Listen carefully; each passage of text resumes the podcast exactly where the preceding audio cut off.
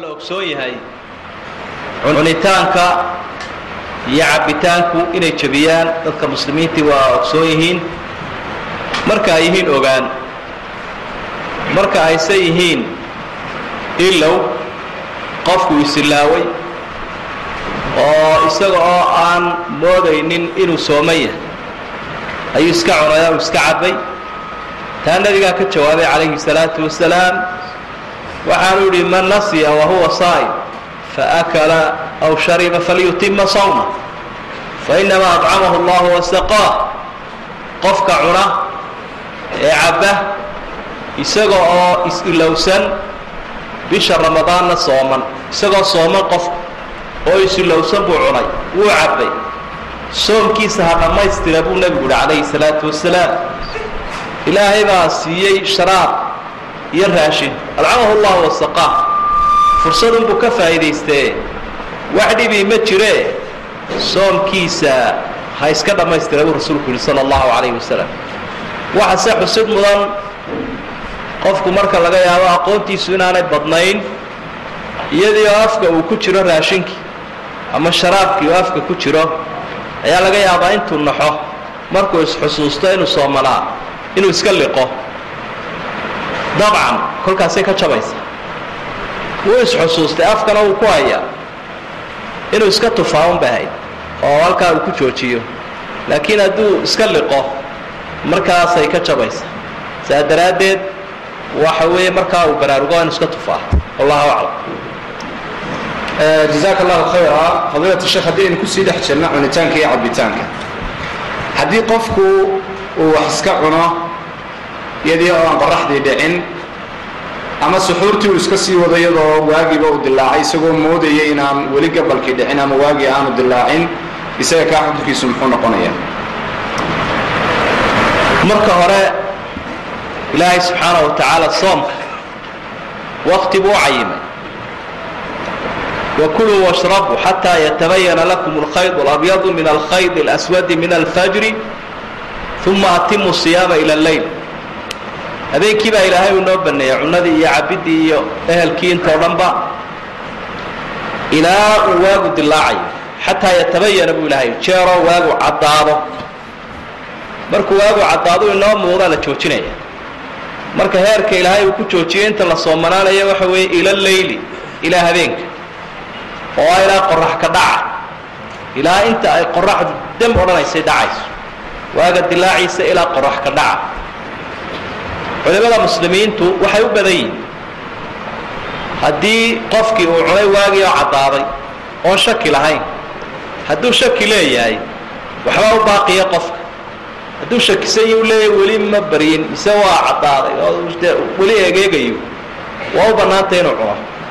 Laakiin kol hadduu u muuqdo waagu saani ugu muuqdo waktigiisii saacadda la gaadho kadib hadduu cuno salaaddii oo la aqiimayo salaaddii oo laga baxay buu cunay ama qoraxdii oo aan dhicin ayuu isidhi way dhacday. Kolkaasuu cunay oo waa furay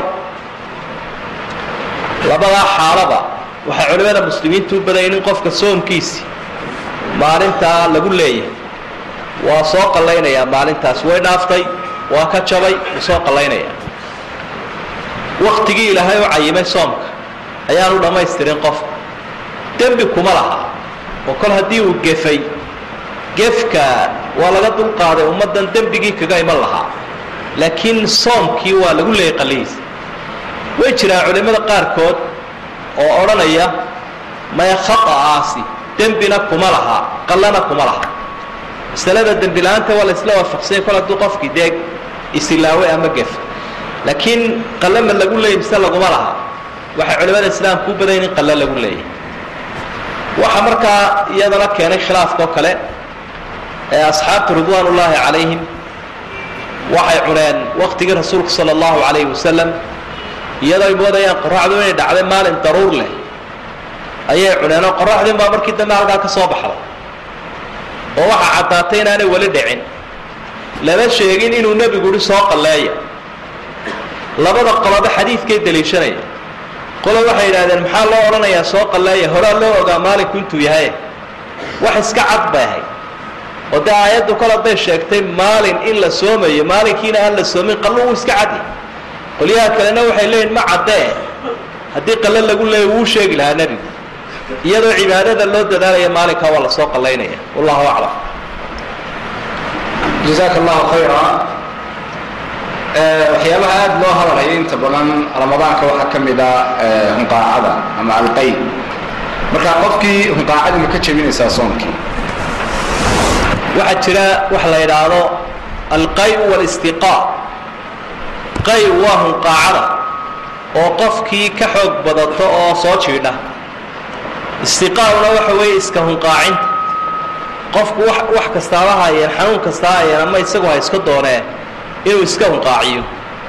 Labadaas way kala duwan yihiin oo wuu kala qaaday rasuulku sala allahu calayh wasalam xadiidka saxiixa man daracahu lqayu falaysa calayhi qadaa waman istaqaa falyaqdi qofkay hunqaacadu soo jiidhay ka xoog badato ee sooman qallo laguma lahaa buu nebigu uhi calayhi salaatu wasalaam soomkiisii macnaheed waxa weya inaanu waxba noqon laakiin qofkii iska hunqaaciyey ha soo qalleeya buu rasuulku leeyahy sala allahu calayh wasalam maadaama uu isagu ka sula yimid ama ha yidhaahdo dacardhiig bay haysa ama waa laabdilaacay wax kasta ha ku sheego laakiin kol hadday ficilkiisa tahay xataa dawooyinu uursaday iyo wax isaga ka wiswisiyey oo isticmaalayba ha ahaatee ficil uu leeyahay kol hadday tahay oo sababtii isaguu leeyahay waa soo qallaynaya. Wallahu aclam.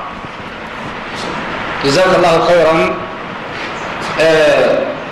duruustii hore fadiilat sheekh waxaad soo tilmaantay dumarka dhiiggii dhalmada iyo dhiiggii caadada haddii ay leeyihiin aanay soomaynin su'aashu markaa waxay noqonaysaa haddii gabadh iyadoo sooman wakhtiga ugu dambeeya ee maqribkii uu soo dhowaado ee afurkiiba la taagan yahay dhiiggii dhalmada ama dhiiggii caadada uu ka yimaado iyada xukunkeedii muxuu noqonayaa? Soonkaasi ma u jirayaa mise way soo qallaynaysaa? Intaanay qoraxdu godka gelin ee waxuun ka soo bidhaamaan walow badhnaha qarsoomabe eh hadduu ka yimaado maalinkaas wuu jabay waa buray maalinkaas. Waanay soo qallaynaysa wakhtiga ay xaaladdaa ku jirtaa wakhti cibaado ay gudan karto cibaadooyinkan loo diiday ma aha. Sidaa daraaddeed duula nahaar. Maalinku siduu u dhan yahay waa inay xaaladdaa ka madhan tahay. Marka waagu dilaaco ilaa intay qoraxdu dhacayso. Haddii saacadii u dambeeyey ama daqiiqadii u dambeeye uu ka yimid uma tirsano maalinkaasi waa qalle ha ogaato. Wallahu aclam jazaaka allahu khayra iyaduna sidoo kale waxaa ka mid a fadiilat sheekh su'aalaha inta badan soo noqnoqda biyihii taranka. Qofka haddii ay ka yimaadaan soomkiisii wax ma u dhimayaan oo ma ka jebinayaan. Bismi illaah waxay isku dhow yihiin hunqaacadan aynu ka soo hadlaynay oo waa hunqaaco afka ah iyo hunqaaco ibta ah unbaa lagu sheegi karaya. Haddii hunqaacadii afka aynu nidhi ma jebinayso. Hunqaacada ibta ee xagga hoose ka timidna ma jebinayso. Oo waa wax awooddiisa ka baxsan. Qofkii wuu seexday dabeetana waxaa ka yimi candhuuftii ama biyii tarankaa ka yimi. Maalin weyn isaga oo hurda ayuu isku jinaabooday.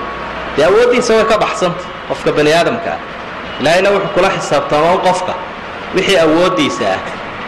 Sidii oo kale aynu hore u soo sheegnay hunqaacadii afka.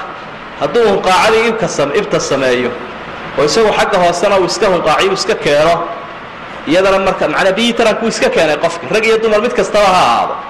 Markaana qallaa lagu leeyahay laakiin la mid noqon mayso tii galmada oo kale ee kafaara gudka lagu lahaa. La mid noqon mayso ee qofkii waa dembaabay oo gaf buu ku dhacay soomkiisiina wuu ka jabay maalintaa iyada ah. Wallahu aclam. Jazaaka allahu khayra duruustii hore aynu aad ku soo tilmaantay fadiilata sheekh iyaduna waxaa ka mid ahayd shuruuddii iyo arkaantii inay ka mid ahayd niyadu. Marka qofku isagoo maalin sooman haddii uu niyeeyey inuu soomkii jebiyo walow aanu waxba cunin qofkaa miyuu ka jabayaa soomkii sidoo kale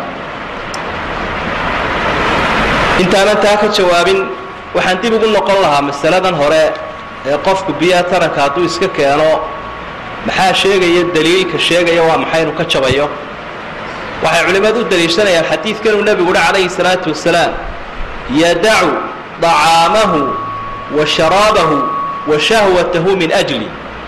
Ilaahay markuu sababaynaya xadiidalqudsigaa qofkan soomani ajriga iyo qiimuhu helay wuxuu ku sababeeye uu yidhi qofkani raashinkiisii macnaa cunnadiisii iyo cabiddiisii iyo shahwaddiisii shahwadda galmadii iyo hamadda saddexdaba daraadday buu uga tegay baa ilaha wi marka haddii aanu saddexdii ka tegin cunnadii muu daynin cabiddiina ma daynin shahwaddiioo hamagudashadiina ma daynin si kastaba ha isaga keenee.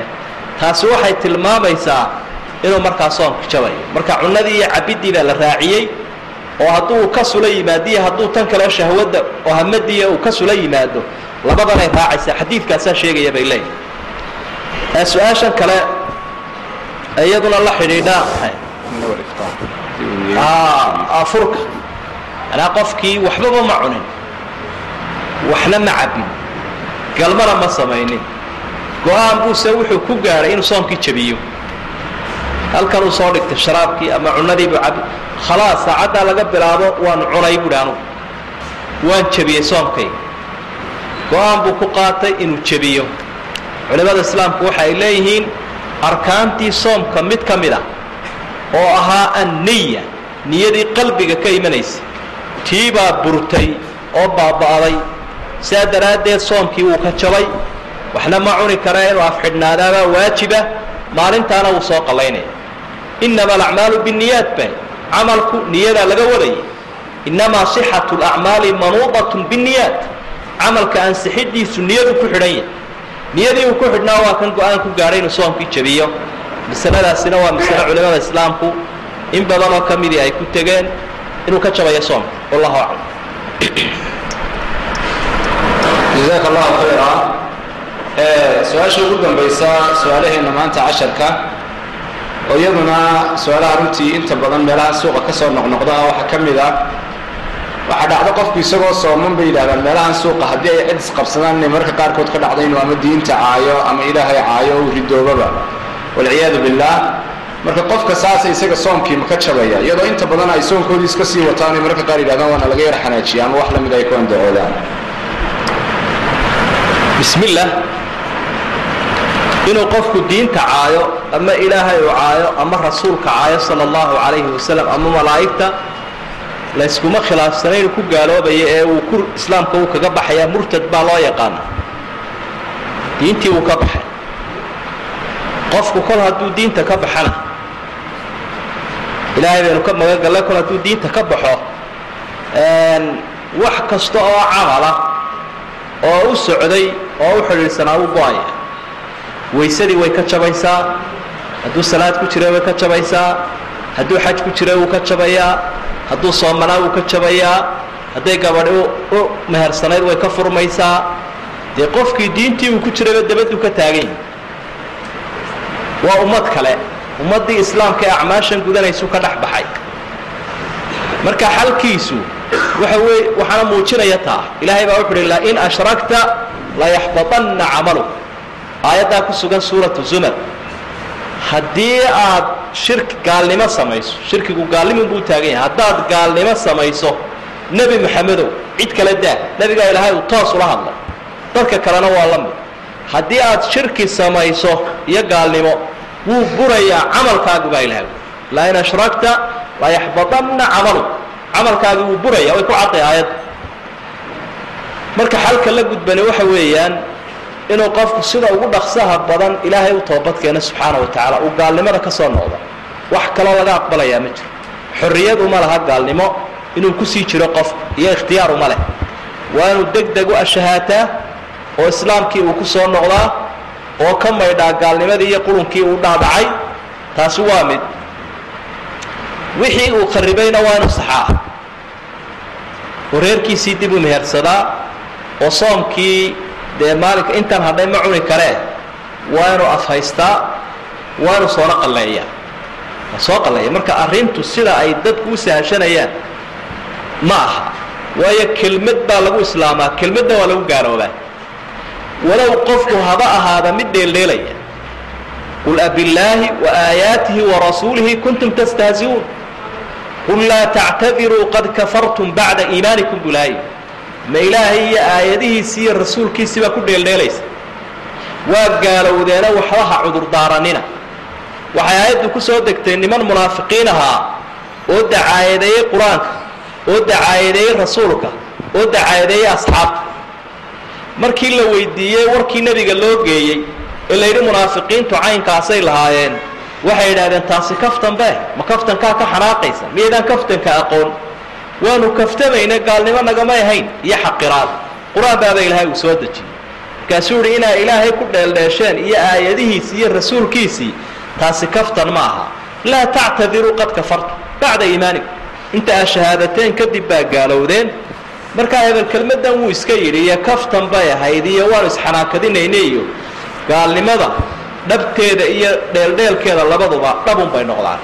Marka arrintaasi arrin aada u khatar badan weeye waxa kale oo culimmadu xataa isku khilaafeen oo qayb ka mida ay qabaan hadallada xunxune cayda iyo lacdada iyo inuu ku jabayo soomka baabay qaarkood qabaan sida daahiriyadoo kale waayo nebigu wuxu uhi calayhi salaatu wasalaam man lam yadac qawla الzuuri wاlcamala bih falaysa lilaahi xaajatun fi an yadaca طacaamahu wa sharaabah qofka aan iska daynin hadalka xun iyo isticmaalkiisa ee aan uga tegin siduu raashinka iyo sharaabka isaga daaya aan hadalka xun isaga daynin.